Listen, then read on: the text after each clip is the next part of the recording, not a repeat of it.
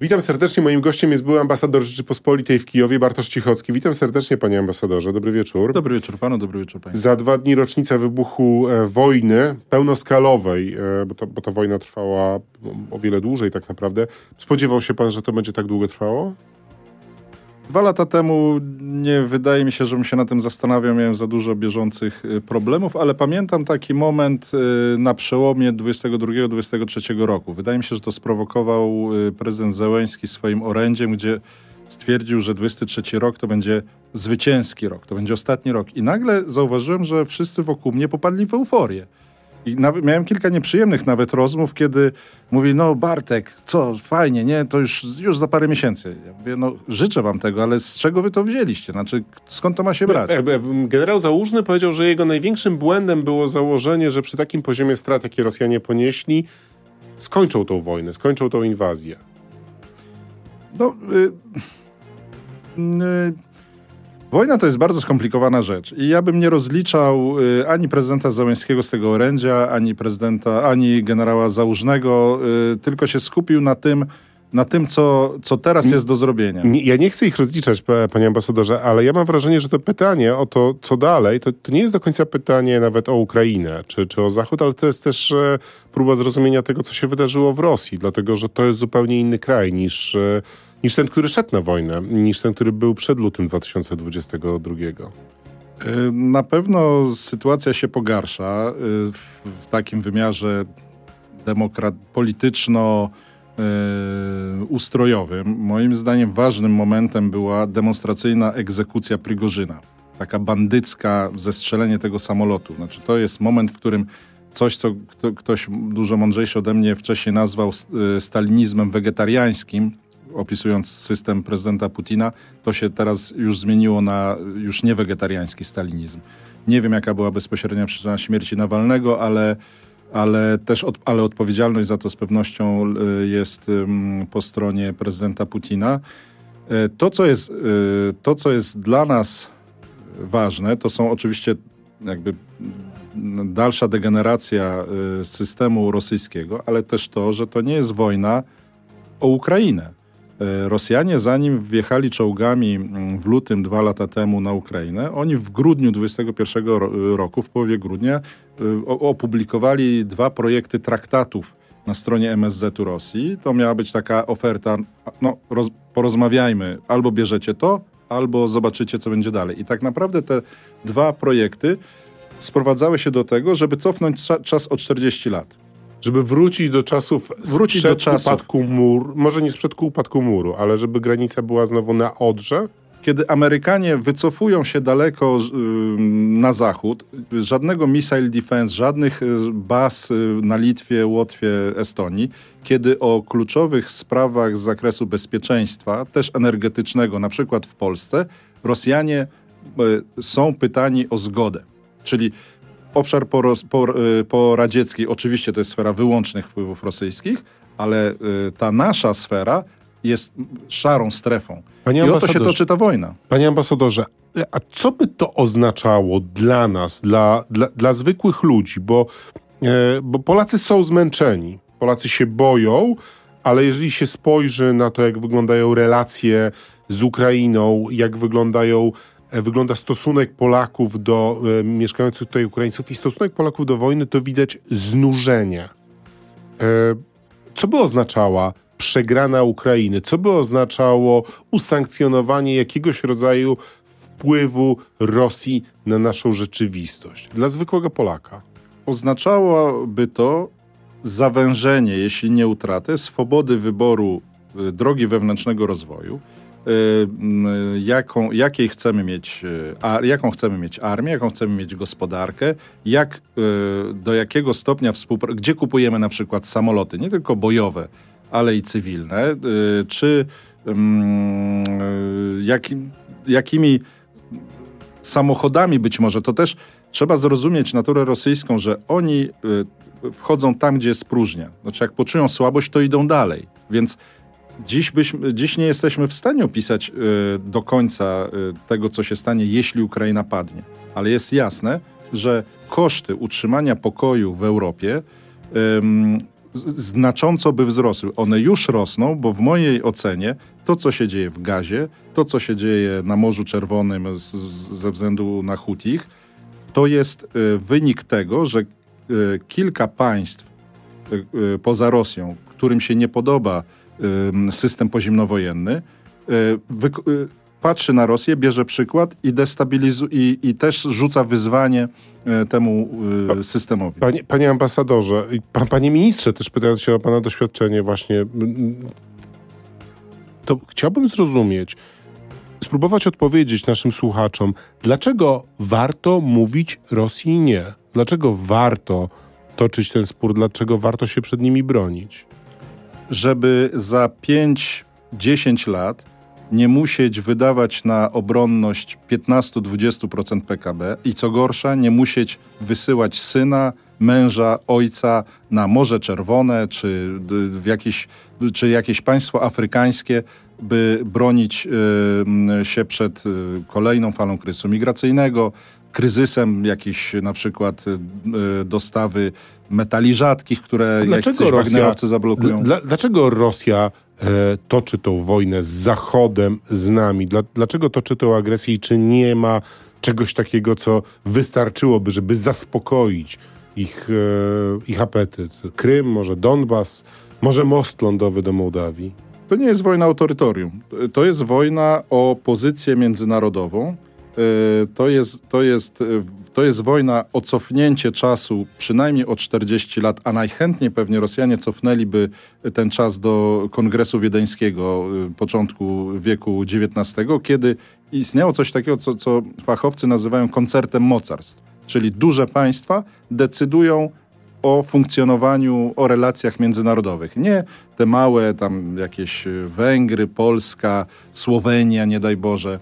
Tylko siada, siada czterech, pięciu prezydentów, jakieś G10 powiedzmy i to sobie ustalają. Rosja takiego, taki chciałaby, y, w takim systemie czułaby się komfortowo. A nam Polakom żyłoby się w takim świecie gorzej. No zdecydowanie. Jeśli, znaczy może komuś, kto woli, kto się czuje bardziej komfortowo, jeśli za niego są podejmowane decyzje, to pewnie czułby się lepiej. Ja bym się nie czuł w tym systemie lepiej.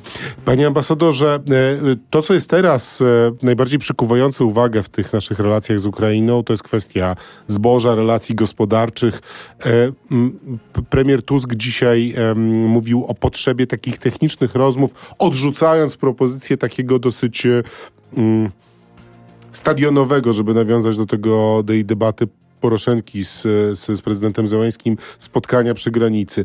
E, jak wyglądają te relacje teraz? Na ile to jest techniczny problem, który można rozwiązać, a na ile my strategicznie z Ukrainą jesteśmy w gruncie rzeczy rywalami o te same rynki, o, o, o tę samą przestrzeń gospodarczą? E, trudno odpowiedzieć jednym zdaniem na to pytanie. E, nie jest prosto, da się oczywiście rozwiązać, choć to nie będzie proste ten dzisiejszy trwający protest, ale ta część ukraińska kryzysu moim zdaniem jest najłatwiejsza. Rolnicy przede wszystkim, nie tylko polscy, niemieccy, francuscy i tak dalej, oni mają kłopot z y, tym, że y, duża część towarzystwa w Brukseli odleciała w kosmos. Y, nastąpiła tak głęboka ideologizacja polityk gospodarczych, klimatycznych, walutowych, że y, no, to się przestało spinać. W momencie, kiedy nastąpiło uderzenie inflacyjne, kiedy nastąpił y, kryzys, y, znaczy kryzys, no, utrudnienia energetyczne, wycofanie się z tej, mm, z polityki klimatycznej, z tego absurdu o emisjach, o, o handlu emisjami CO2 na dwutlenek węgla będzie bardzo trudne. Rozwiązanie problemu na polsko-ukraińskiej granicy być może leży w Brukseli. O tym jeszcze porozmawiamy. Dziękujemy słuchaczom RMF FM. E, zostajemy e, w radiu internetowym RMF24. Bartosz Cichocki, były ambasador Rzeczypospolitej e, w Kijowie, jest naszym gościem. Panie ambasadorze, ukraińska armia musiała wycofać się z kolejnego miasta po Trudno nam jest ocenić tak naprawdę skalę rosyjskich strat, e, skalę e, ukraińskich strat, ale, ale pojawiają się takie głosy, że z powodu braku amunicji, z powodu braku stabilności dostaw i z powodu olbrzymich problemów z dalszą mobilizacją ukraińskiej armii, Rosja, która stworzyła mechanizm szkolenia rezerw i prowadzenia rezerw, sprowadzania amunicji, zaczyna tą wojnę wygrywać. Czy, czy tak się dzieje rzeczywiście? Tak się dzieje. To nie jest proces nieodwracalny. Mamy nadal na to wpływ. Najtrudniej faktycznie będzie no, z rekrutem, bo chyba, że państwa zachodnie zaczną wysyłać własne pododdziały do walki, co dziś y, trudno, wydaje się to mało prawdopodobne, ale y, na tej wojnie wiele rzeczy wydawało się mało prawdopodobne. Trzy lata temu mało prawdopodobna ta cała wojna mi się wydawała. Y, natomiast, natomiast widać już zmiany, wreszcie urealnienie, jakby taką, takie obudzenie się poszczególnych państw, jeśli chodzi o skalę produkcji obronnej E, niestety kil, kilka rządów nadal zasłania się Unią Europejską, która zwleka z pakietem pomocowym, Donaldem Trumpem. Mm, to są rzeczy moim zdaniem nie, nieodpowiedzialne, bo każde państwo europejskie z osobna, łącznie z Polską, stać na postawienie fabryki amunicji artyleryjskiej, na wznowienie produkcji części do y, broni pancernej itd., tak itd. Tak to nie jest szybkie, to jest kosztowne. Ale znowu, jeśli nie chcemy za 5-10 lat wydawać 30% swojego PKB e, na zbrojenia, to wy, zacznijmy wydawać dzisiaj 4. Minister Sikorski mówi, e, być może starając się wezwać do takiego większego, większej świadomości kryzysu, mówi o tym, że być może już jest za późno, bo my trochę późno się zabieramy do tego zwiększania produkcji. E, czy, czy tu i teraz spodziewa się pan pęknięcia ukraińskiej armii. Pojawiają się takie obawy, że Rosjanie atakując w różnych kierunkach są w stanie doprowadzić do tego, że ta armia, która e, której wielu żołnierzy ciągle nie było zluzowanych na froncie, która ma problemy olbrzymie z rekrutacją, może pęknąć. Ja nie jestem ekspertem wojskowym, trudno mi to ocenić. Mam nadzieję, że to nie nastąpi. Natomiast nawet jeśli e, pęknie ten front, nawet jeśli, co dzisiaj trudno sobie wyobrazić, padnie Kijów, to Ukraińcy nie złożą broni. I nad tym też się warto zastanawiać. Ci y, politycy, którzy mają na to wpływ, e, sytuacja, w której Ukraina straciłaby możliwość walki w formie państwowej, czyli że jest rząd, jest, jest armia i przeszłaby do walki asymetrycznej, partyzanckiej, z wykorzystaniem e, instrumentarium terrorystycznego, to przy tym, co się zacznie dziać wtedy w Europie, Hamas i Gaza to będzie y, przedszkole. Bo Ukraińcy są wysoce wykształconymi w zakresie użycia broni y, ludźmi, y, y, mają elektrownie atomowe, oni, oni wiedzą, jak używać bardzo zaawansowanych systemów uzbrojenia i oni nie odpuszczą. Dzisiaj w New York Times jest taki komentarz, że, że Putin y, już w zasadzie tę wojnę przegrał, bo on chciał Ukrainy. On chciał Ukrainy w rosyjskiej strefie wpływów. Y, autor tego tekstu mówi, że, że obserwując y, ukraińskich żołnierzy, którzy między sobą rozmawiają po rosyjsku, bo, bo, są, bo to jest ich pierwszy język, a walczą z, z rosyjską armią, ma świadomość, że Putin przegrał tą najważniejszą nagrodę, o którą walczył. Zgadzam się w tym sensie, że zainstalowanie dzisiaj jakiegoś postsowieckiego, y, już nie mówiąc o prorosyjskim y, rządzie w Kijowie, nie ma szans. Znaczy, nawet jeśli fizycznie przywiozą tego Janukowycza czy jakiegoś Carowa, to on nie przetrwa miesiąca. Zostanie rozszarpany. Da, w tym sensie nie da się odwrócić Ukrainy z powrotem na wschód. Y, natomiast, natomiast Rosjanie chyba tego jeszcze nie zrozumieli niestety i ciągle walczą i ciągle mordują. I koszty y, dla nas wszystkich, przede wszystkim dla Ukraińców, tego błędu są ogromne. Czy, czy Ukraina mm, prowadzi w tym momencie skuteczną politykę pozyskiwania wsparcia? Widać był taki moment poszukiwania strategicznego partnera przez prezydenta Załęskiego. Widać było nasze rozczarowanie w pewnym momencie w tych relacjach, ale ja zastanawiam się, y, gdybyśmy my się postawili e, na ich miejscu, to jakie mielibyśmy wybory w gruncie rzeczy, kiedy istnieje ryzyko, że w Stanach Zjednoczonych będzie ktoś zdecydowanie bardziej sceptyczny wobec tej pomocy. Jak, jak, jak, jakie wybory ma Ukraina? Jaka będzie jej polityka w najbliższym czasie? Co to dla nas oznacza? Y, na pewno y, skończył się okres y, tej takiej magicznego oddziaływania prezydenta Zełenskiego. To się skończyło w okolicach szczytu NATO w Wilnie, kiedy ówczesny, ówczesny minister obrony Wielkiej Brytanii odpowiedział, że my nie jesteśmy Amazonem, żeby nam tu prezydent Załęski listę zadań przysyłał, a my mu odsyłaliśmy. I przede wszystkim prezydent Załęski wtedy przegrał tę kampanię o przy, mm, sformułowanie zaproszenia dla Ukrainy y, do Sojuszu Północnoatlantyckiego. Y, nastąpił okres takiego urzeczywistnienia. No, powiedzmy, że skończył się mm, miesiąc miodowy, y, za, i, czy ten okres heroiczny, powiedzmy, zaczął się już taki pozytywistyczny. I, i, I wydaje mi się, że władze ukraińskie za późno to zrozumiały i nadal działały jak, tymi wystąpieniami przez Zooma, takim trochę jakby przydzielaniem nam zadań do wykonania. Ale to e, się już skończyło teraz. Teraz chyba, tak? tak, ale jeszcze, ale, no, ale parę miesięcy za późno, o parę wystąpień, w tym e, wystąpienie na Zgromadzeniu Ogólnym ONZ e, za późno, gdzie no, prezydent Zeleński nie powinien użyć wobec naszych państw, naszego regionu tego, tego y, sformułowania. Wydaje mi się, że nadal jest pewien problem w tym, że elity ukraińskie patrzą na, patrzą na świat przez państwa sąsiednie. Wojna przypomniała znaczenie geografii, przypomniała znaczenie dystansu. Y, mm, a wydaje mi się, że czasem jesteśmy traktowani trochę jako takie no, przykry jakby dodatek do prawdziwych państw, czyli G7, mm, przede wszystkim USA i tak dalej.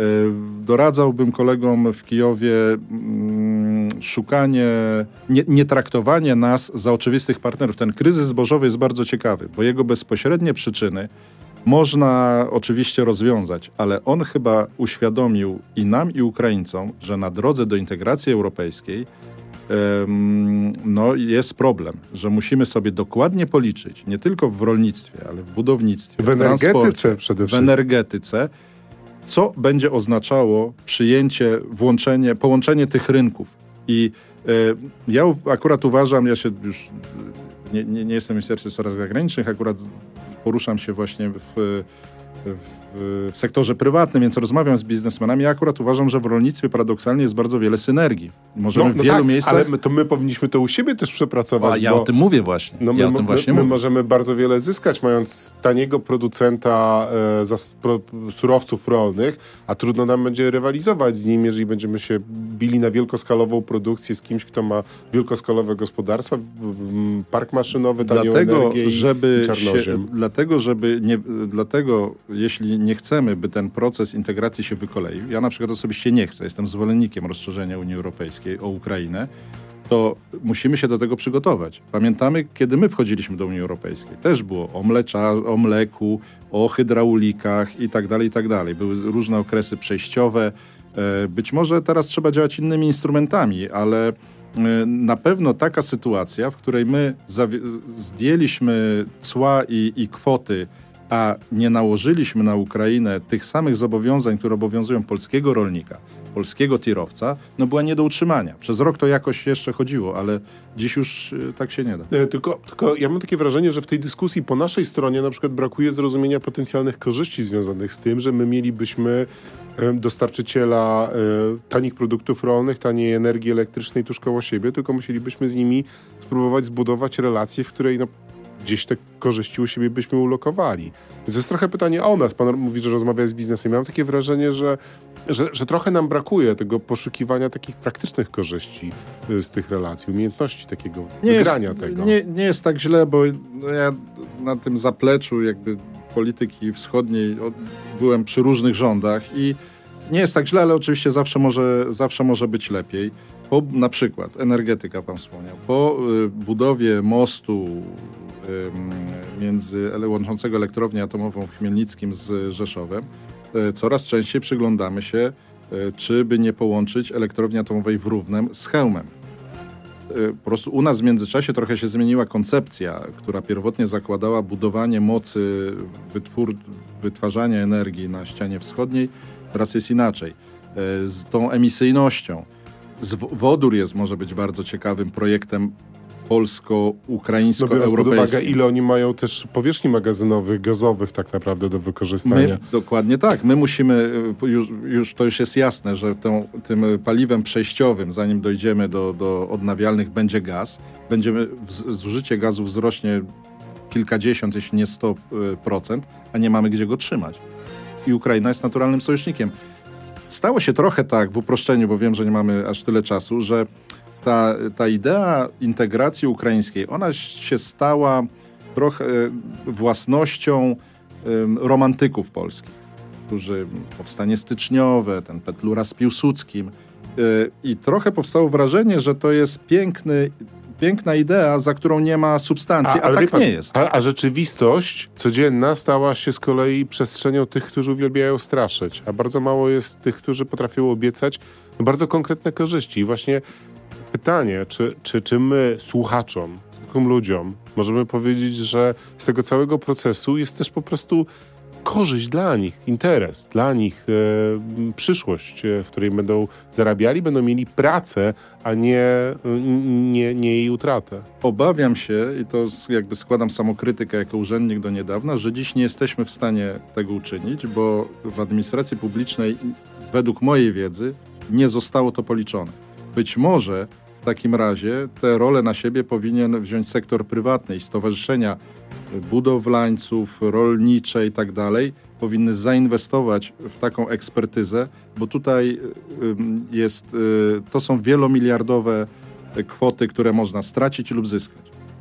No to my jako dziennikarze też postaramy się policzyć i w redakcji RMFFM i w Dzienniku Gazecie Prawnej. Bartosz Cichocki, był ambasador Rzeczypospolitej e, w Kijowie. Był naszym gościem. Bardzo serdecznie dziękuję za e, rozmowę. Zbyt krótką oczywiście, ale tak to jest. Tymczasem. Dziękuję bardzo.